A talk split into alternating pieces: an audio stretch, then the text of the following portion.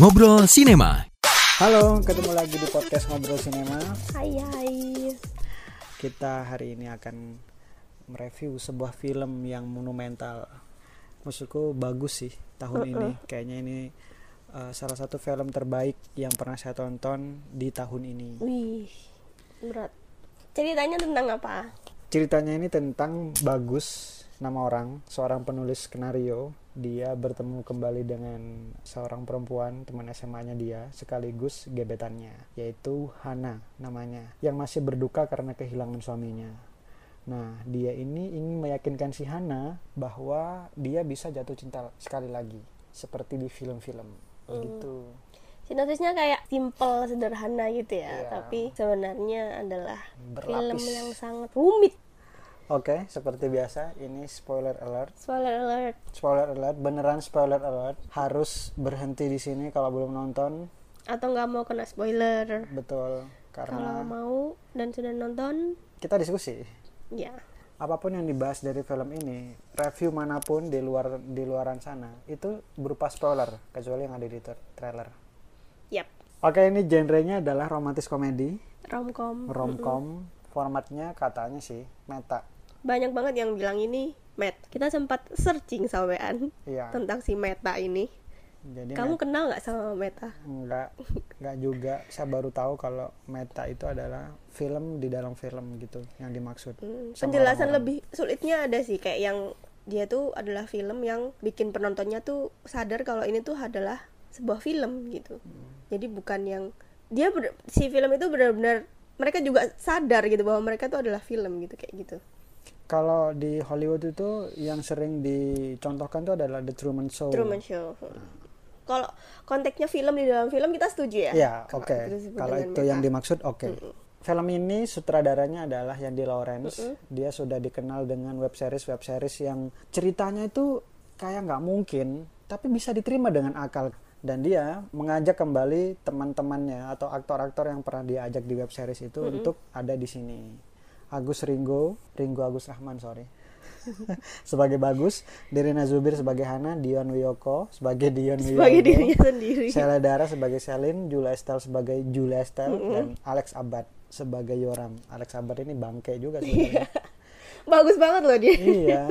Dan dia Bener-bener ngeselin. dia sini Kayak natural sekali ya gitu. lucu dan ngeselin ya. Pokoknya kalau kamu nonton trailer dan menurutmu itu eh, Alex Abad itu ngeselin, dia bakal ngeselin banget di ngeselin. di film. Kalau menurutmu dia Lucu. lucu, dia lucu Lebih banget di sana. lucu banget.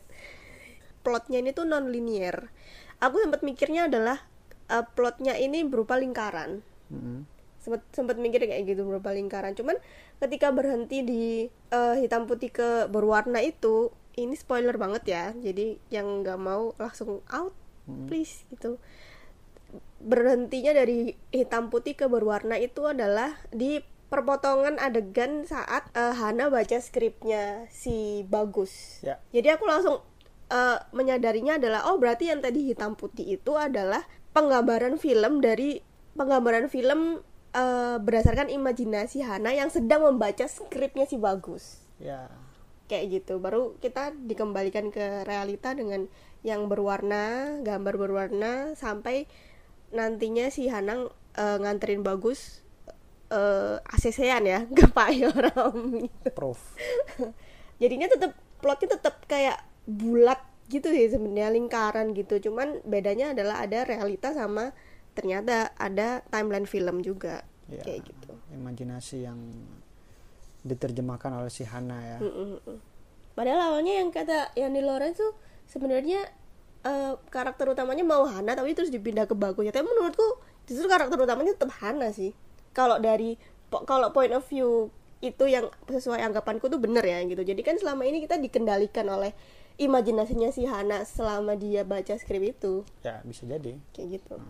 Terus eh, selain itu juga film ini tuh kamu sempat bilang film Indonesia yang bagus lagi tuh Nokta Merah perkawinan Iya. bener gak sih judulnya Iya. Iya itu kalau menurut aku ini juga bagusnya tuh apa ya satu level gitu sama mereka cuman tipe bagusnya tuh beda Ya, gitu vibes-nya beda ya. Mm-mm, jadi kalau yang film ini tuh kalau menurutku bagusnya tuh di teknis teknis kayak editingnya kayak pembuatannya tuh kelihatan banget ya waktu awal aja ya sekuensi yang waktu muncul judul pertama tuh loh itu Ya. aja udah bagus kan kayak dari itu aja udah bagus atau waktu yang si bagus pertama kali menceritakan filmnya ini hitam putih terus sekarang langsung berubah hitam putih Iya, nah dari itunya aja tuh udah bagus gitu secara tek teknisnya gitu terus ditambah lagi ya. mm-mm. ditambah lagi di film ini juga kita kayak belajar itu ya belajar perfilman jadinya ya Iya.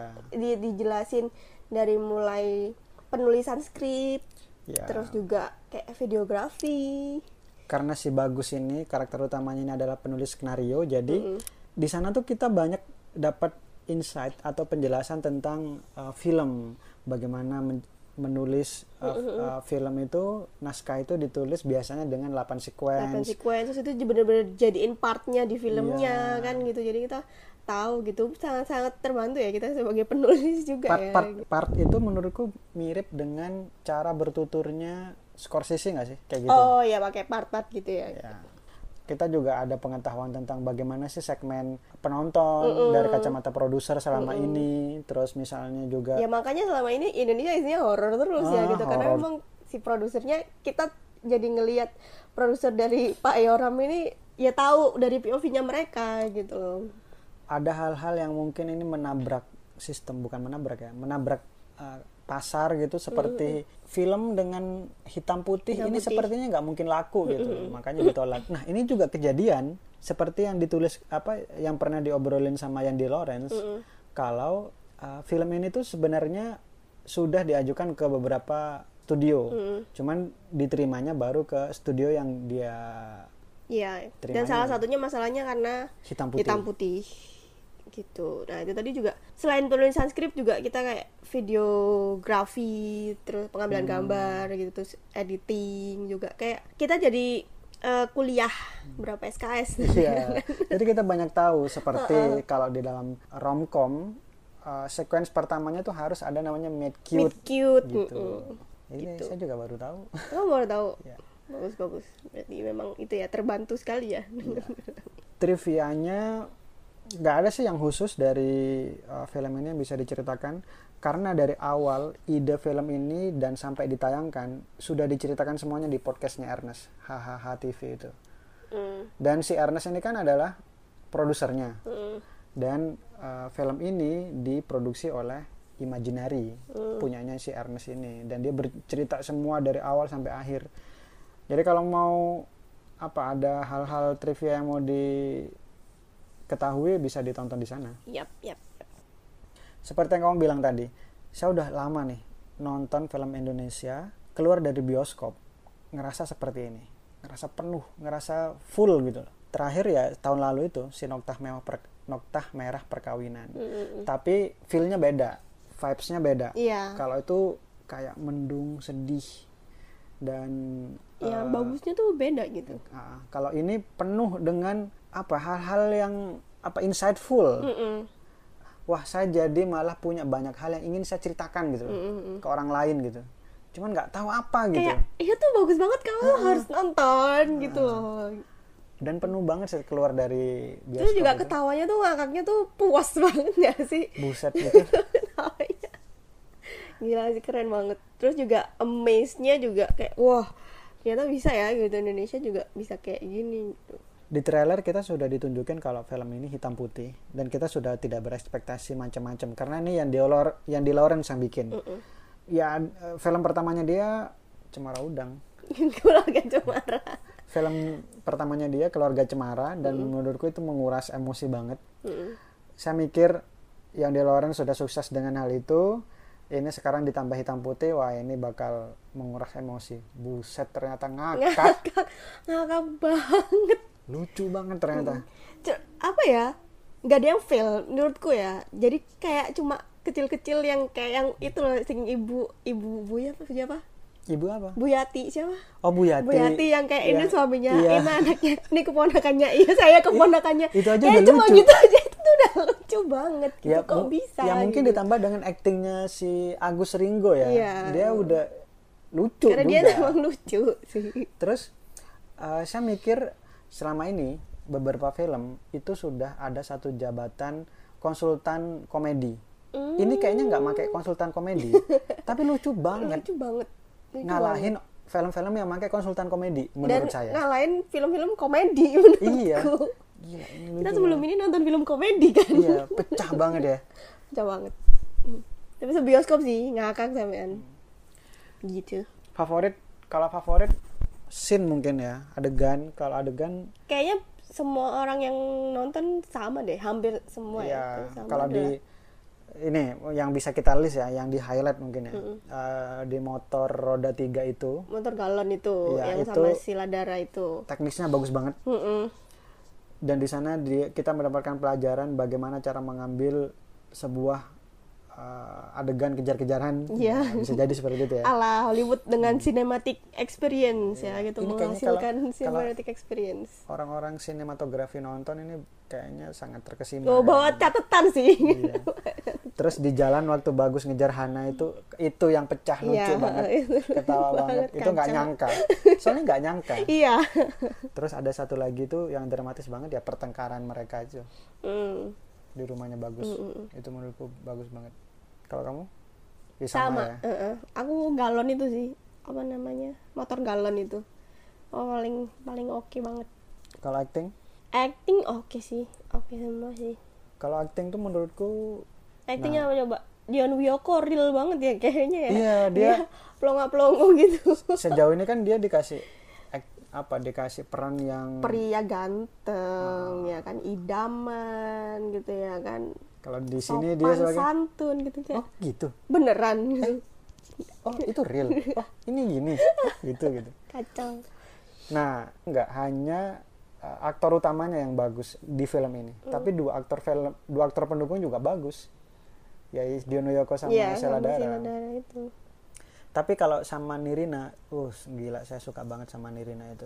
Nirina itu kayak memberikan akting terbaiknya gitu loh. Jadi uh, dari dia menuturkan kata-kata gestur sampai tarikan otot di wajahnya itu kan dia sering kali di close up gitu ya diambilnya gitu. Dan itu sangat menggambarkan film ini. Kan film ini kenapa hitam putih? Ini bocorannya adalah itu menggambarkan dukanya si Hana. Katanya gitu kan kata si Yandi Lawrence dan Nirina memerankan Hana dengan maksud seperti itu dengan maksud hitam putihnya itu sangat kena. Mm-mm. sangat berhasil. Gitu. Bagaimana dia menangis bagaimana dia menangis tapi harus tersenyum. Mm-mm. bagaimana dia harus uh, menahan emosi ketika mendapatkan uh, tuduhan atau judge dari sih bagus. si bagus. Bagaimana dia sendirian tapi harus berdamai dengan trauma-traumanya dia yang dia akhirnya uh, tidur di ranjang gitu kan? Oke tadi kita sudah memuji-muji gila ini keren banget. Ada nggak minusnya? Kenapa ke aku? Karena saya ngerasa bagus bagus aja. bagus-bagus aja. Saya sudah kalau dikultuskan bisa saya kultuskan ini. Aku juga sempat mikir sih sempat kepikiran bahwa mm, minusnya itu adalah di ketika suaminya si Hana meninggal. Maksudnya kita nggak terlalu banyak mendapatkan itu jadi mu- feel-nya agak agak kurang sih sebenarnya. iya, jadi iya, iya. kita cuma tiba-tiba nih suaminya Hana tiba-tiba udah meninggal. Oh, maksudmu kan? uh, kita sudah bertemu dengan Hana yang sudah seperti itu Iya rasa gitu seperti ya? itu gitu. Nggak gitu nyampe awalnya mungkin. Tapi di belakang belakangan diliatin eh, dari langsung dari sisinya dari POV-nya Hana kalau dia sampai nggak bisa tidur di kamar dan lain sebagainya. Nah itu mulai building lumayan lah gitu. Oke. Cuman kalau sedih atau dukanya masih kurang kalau menurutku. Mungkin itu. Sama satu lagi adalah kadang-kadang dialognya itu agak nggak natural gitu. Seperti? Bagus sama Hana. Waktu yang awal banget yang habis dari supermarket aku sempat ngerasa agak-agak merinding itu karena rada cringe.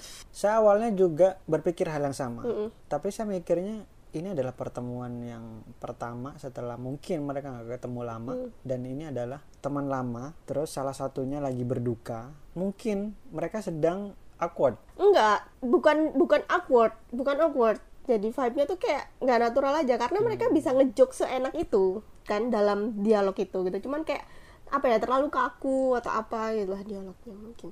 Tapi yang lainnya oke sih. Kalau ditanya ini akan direkomendasikan atau tidak wah gila selama kalau bilang enggak masih di bioskop harus nonton di bioskop. Iya harus ditonton di bioskop. Soalnya bakal kerasa beda banget kalau cuma nonton di layar gitu apalagi di laptop apalagi di HP ya kan? Iya. Kurang gitu soalnya kayak ya itu bagus aja kalau di bioskop kalau bisa nonton di bioskop. Apalagi kejutan-kejutannya itu ya Mm-mm. yang bikin bagus banget itu. Skor? Empat setengah. Saya bebas empat setengah bisa lima bisa.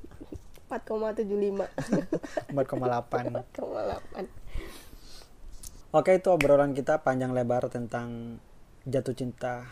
Seperti di film-film. Oke. Itu.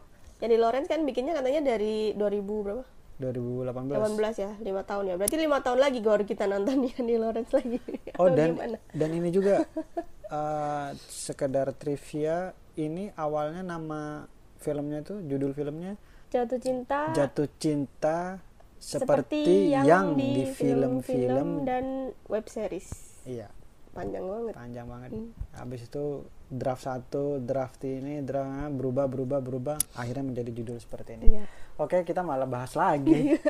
udah Ya. udah kalau di letterbox judulnya Falling in Love Like Movies bagus kurang. ya Falling in Love like Oh iya bagus juga. Oke.